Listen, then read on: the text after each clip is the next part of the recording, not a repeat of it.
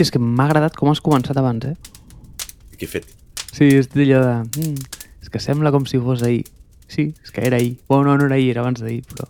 Tio, com Encara estem desfassats amb el canvi horari, eh? Que jo Eh. estic desfasadíssim encara, no sé quina hora és a Barcelona, quin dia, si és el mateix dia o no, saps? Perquè segons com, si ara és el meu matí, és la teva nit, però si quan sigui la meva nit serà el teu matí del dia següent, per tant, de vegades parlo cap al futur, cap a, cap a l'endemà, diguem. Home, també vas tenir un moment de molta brillantor al... abans d'ahir, que vas dir, tio, estàs parlant al passat. I vaig pensar... És una bona "Mm, manera de començar l'episodi, sí, sí, me l'acabo d'escoltar ara i he dit, dic, hòstia, va ser maco començar així. Que poètic. És que avui parlem d'algú que no té com cap tipus... Estava intentant... Saps que estava intentant... En el meu cap estava intentant fer com el, el pont de com expliquem la narrativa de l'anterior en aquest, però, tio, és que no per enlloc, eh? Per enlloc. Perquè l'anterior va ser com, eh, com, com un asterisc al mig del camí perquè tu estaves aquí i va ser com per casualitat que el vam fer a última hora. Però en realitat anàvem a fer aquest, el que toca ara. Sí o sí.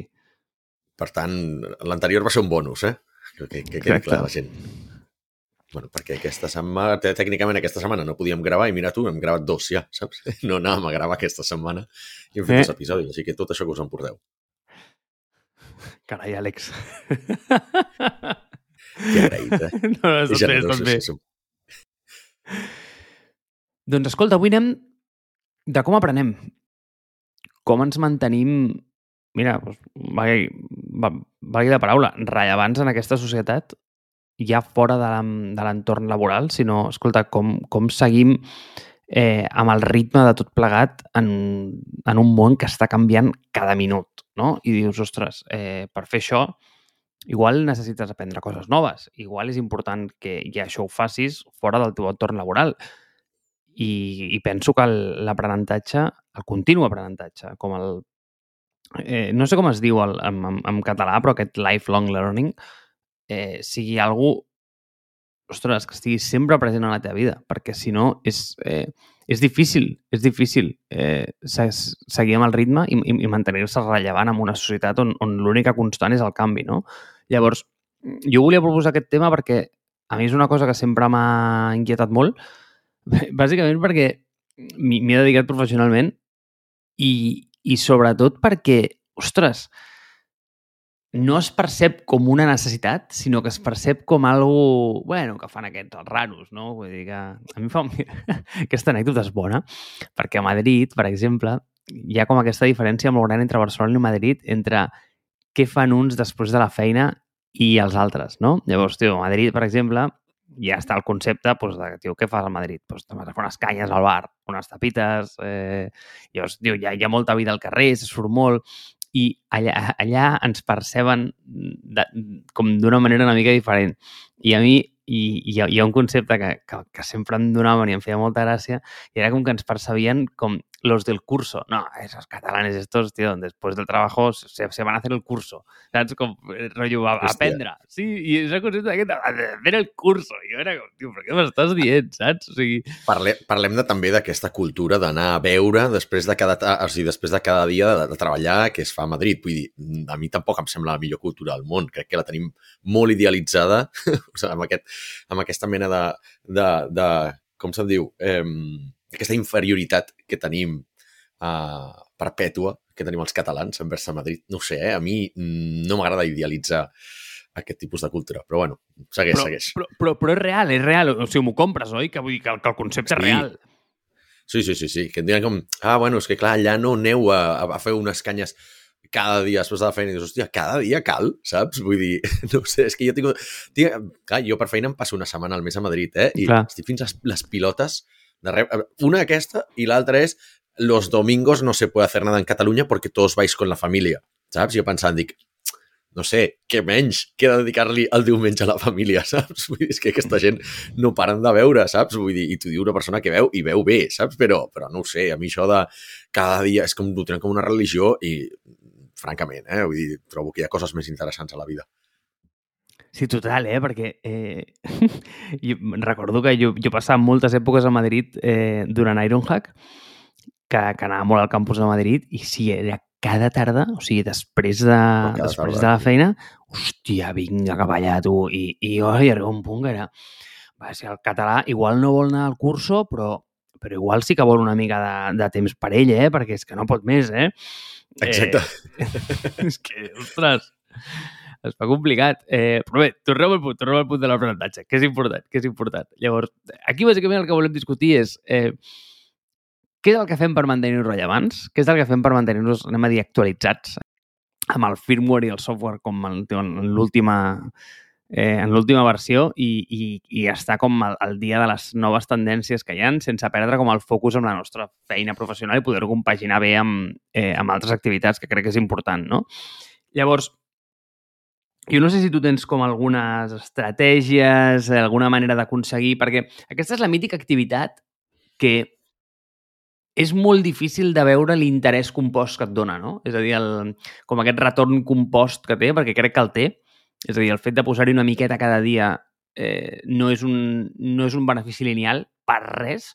El que passa és que costa veure molt on comença, on comença l'exponencial, que comença a fer el compounding, no? I a vegades costa molt. I és la primera cosa que cau de la llista. És a dir, eh, no t'oblidaràs segurament de sopar, no t'oblidaràs segurament de dormir, però possiblement t'oblidaràs o diràs, bueno, això doncs, pot anar cap a una mica cap a la, més, més cap a la dreta, ja ho faré demà, saps?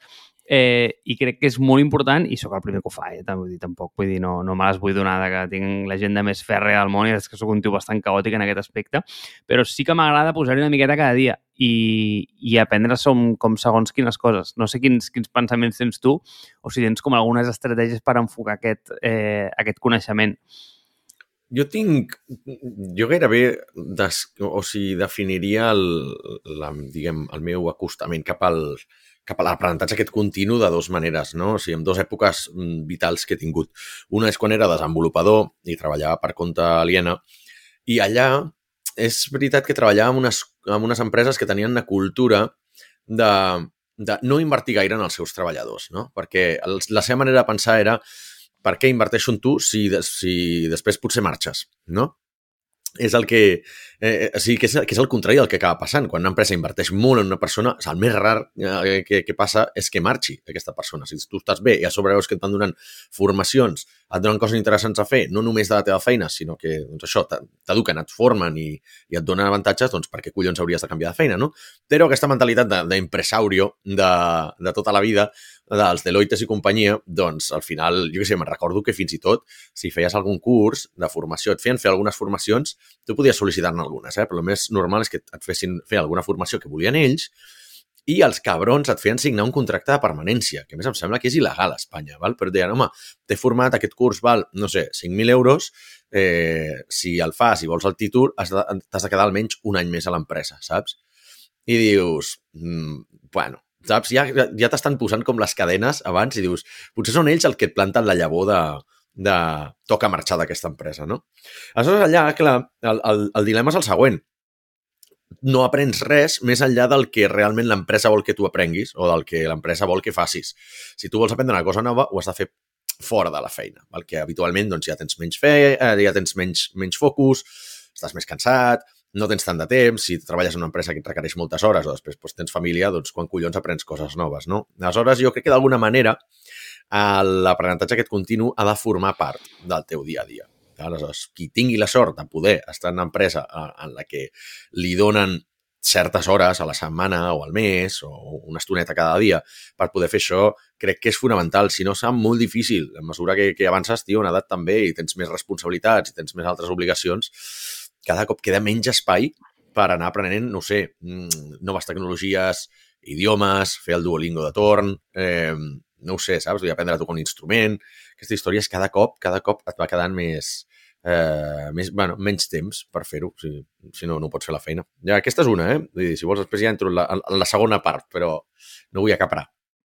No, tio, que em sembla superinteressant i crec, i crec que és molt real això, aquest punt que has dit, no? Vull dir que es veu com eh, l'educació in company com un punt, des d'un punt de vista molt utilitari, no? És a dir, tio, com, com el que li vaig ensenyar a aquest paio ara m'ajudarà encara que no es fotrà el camp i aprofitarà això per, per, per agafar la següent feina, no? Però eh, tu saps que a mi, tio, m'agrada molt tenir com frameworks de coses, ¿vale? I, sí. i, i, i enfocar-me en elles. Llavors, jo ho distingeixo en tres temes diferents, ¿vale? hi ha que han de contestar tres preguntes diferents. Primer és per què aprens, després què aprens i després com aprens. Vale? Val.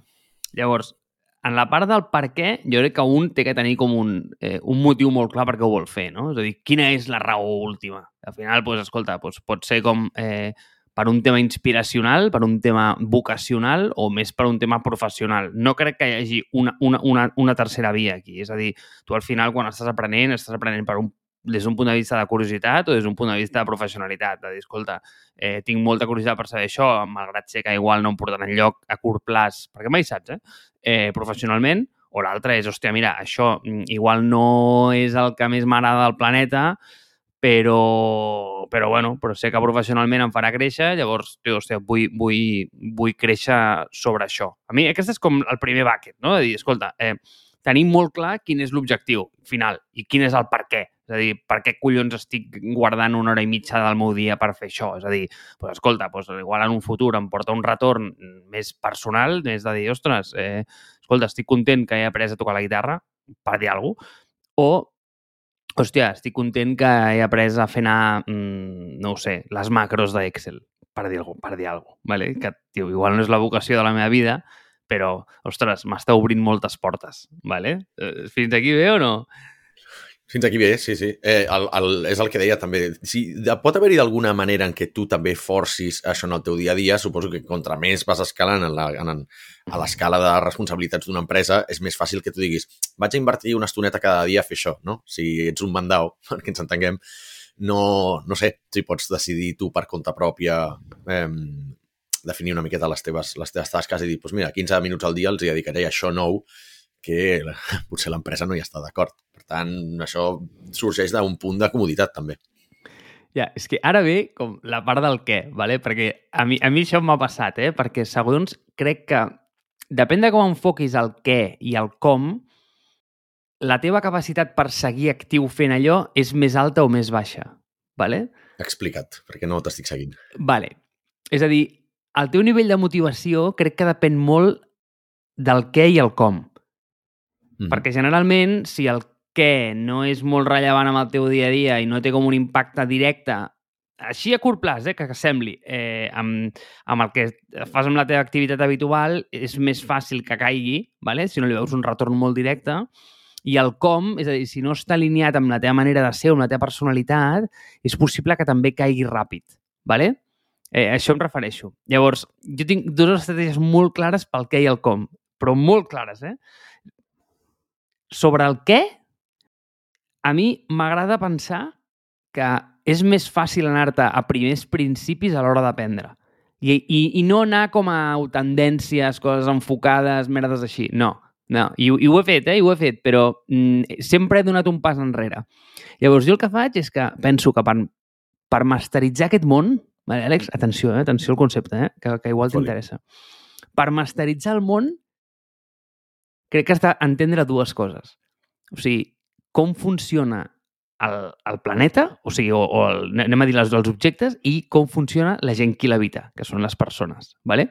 Llavors, per entendre com funciona, com més des d'un punt de vista mm, de naturalesa, crec que has de masteritzar molt bé la física i això està com en dos nivells. Més les coses molt petites i que, que, que ve ser la quàntica, i les coses molt grans, que ve ser com més la part generativista, vale? de com es mouen els mm. planetes, eh, com orbiten les galàxies, etc, etc. I llavors, a la part dels humans, crec que hi ha exactament el mateix.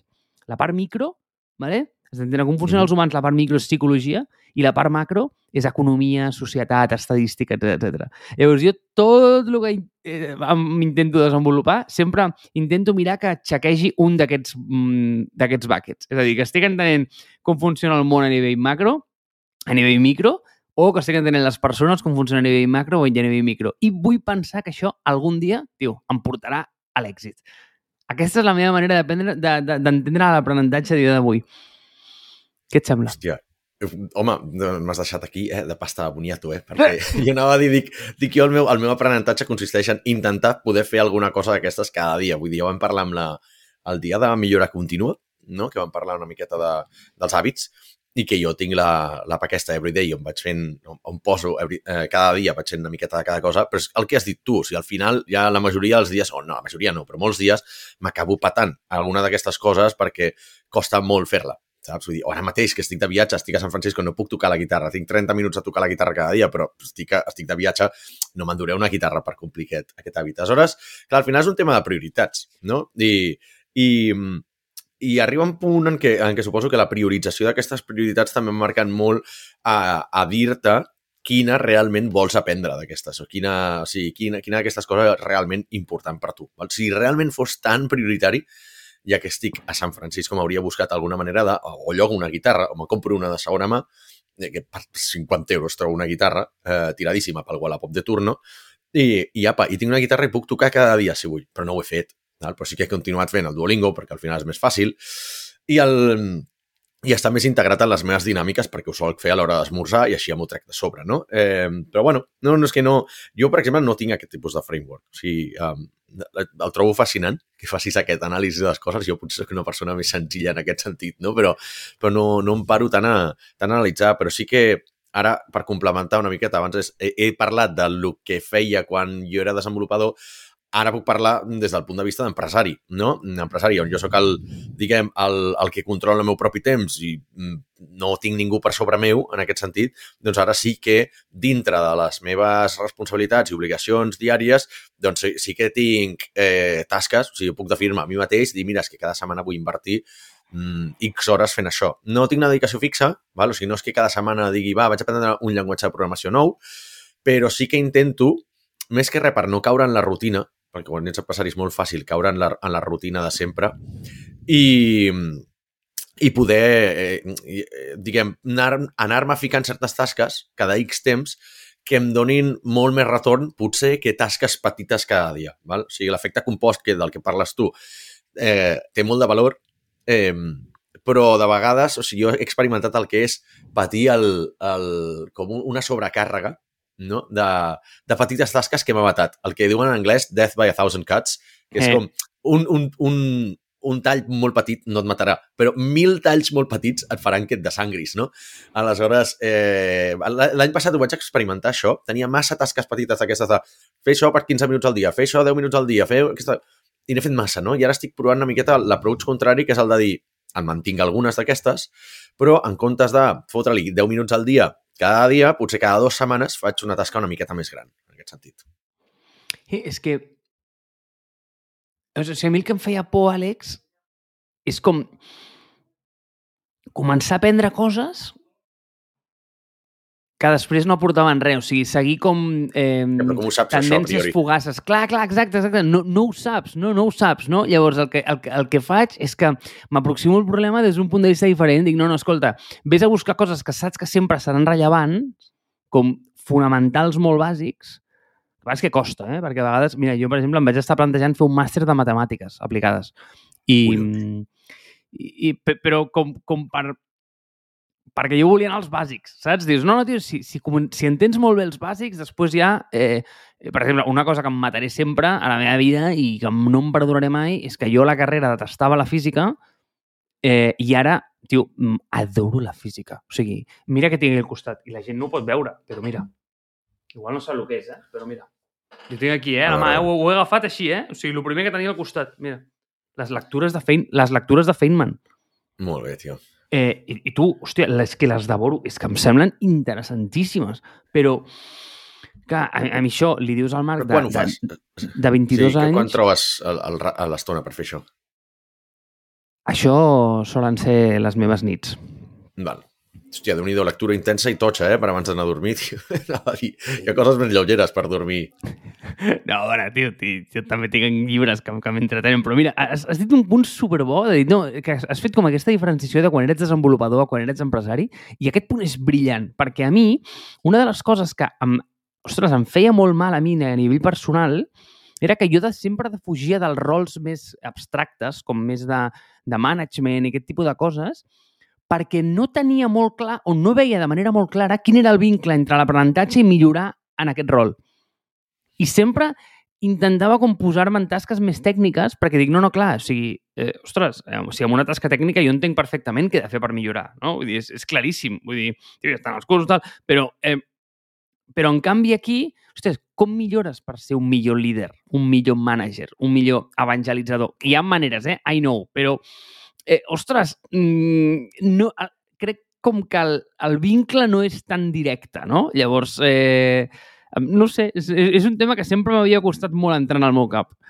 Ja, però, per exemple, tu has, has dit abans que um, diferenciaves entre com la, la part física no? I, i quàntica del món, uh, del micro el macro de les coses, el micro el macro de les persones. El management, al sí. final, has de tractar molt bé el micro i has de tractar el macro. Per què? Perquè és que si no entens el macro, no saps les tendències que hi ha allà fora, no només del lideratge, sinó de coses com, per exemple, que hi ha doncs, la, la cancel culture, no? o quan, eh, quan va haver-hi tot el tema de Black, Black Lives Matter als Estats Units.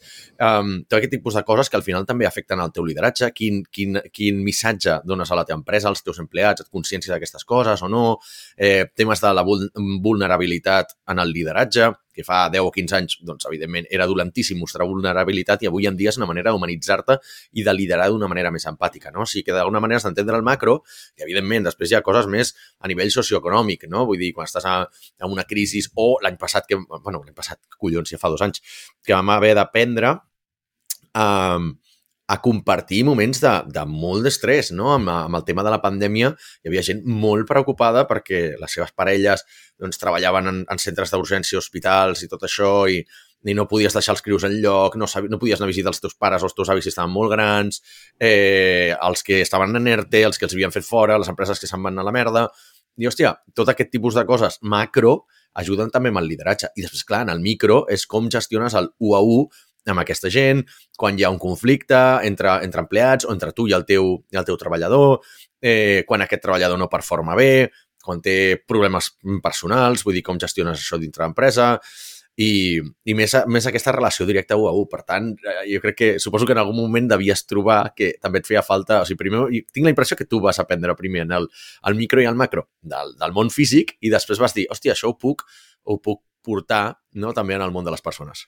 Totalment, totalment, eh, Àlex? Eh, sí, sí, ho, ho has descrit a la perfecció. I, i mira, aquest, aquest punt és interessant perquè si ara t'ensenyo l'altre llibre que tinc així que puc agafar amb la mà, vale? i és... Collons, tio.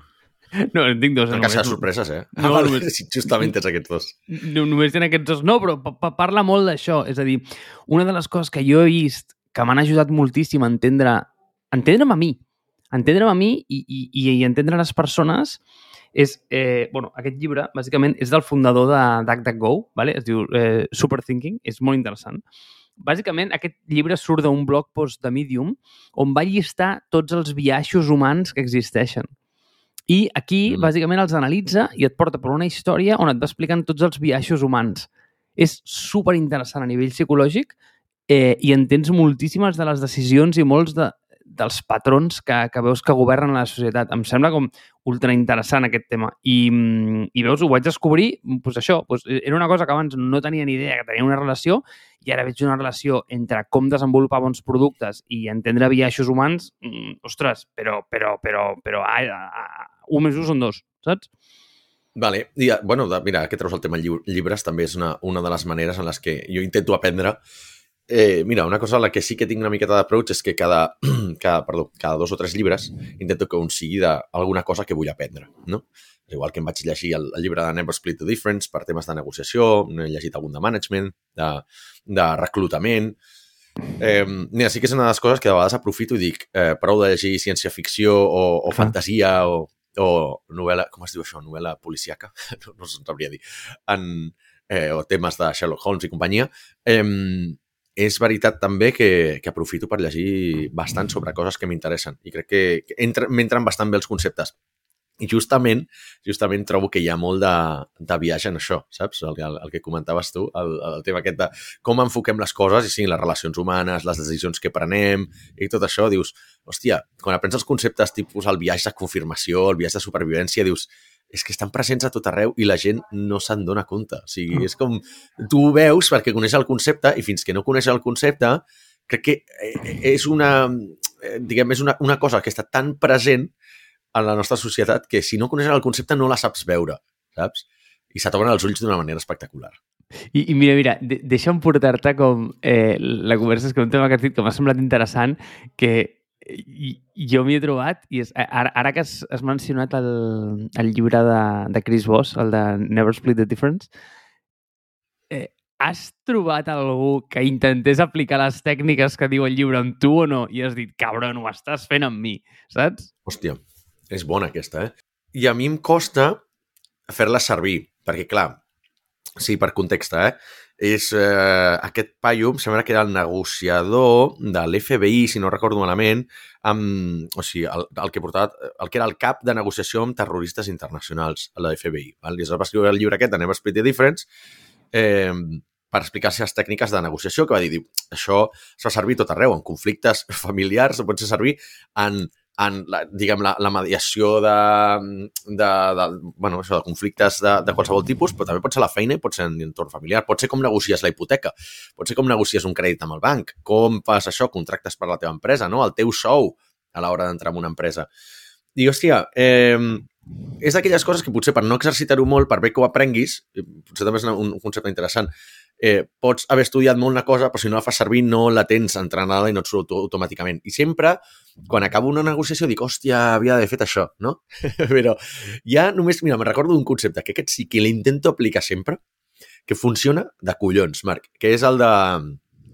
el que diu que uh, quan ja portes una mica, un, un temps de negociació, una tàctica és mai donar, no va dir never, mai donar un número rodó, val? Mm. I diu, hòstia, si, si el preu és 50.000, digues, mira, eh, per dir alguna cosa, eh? O sigui, si jo estic oferint un projecte de la meva empresa, diré, mira, és que, tio, no puc descomptar-te més, el, el preu final ha de ser 47.732 euros.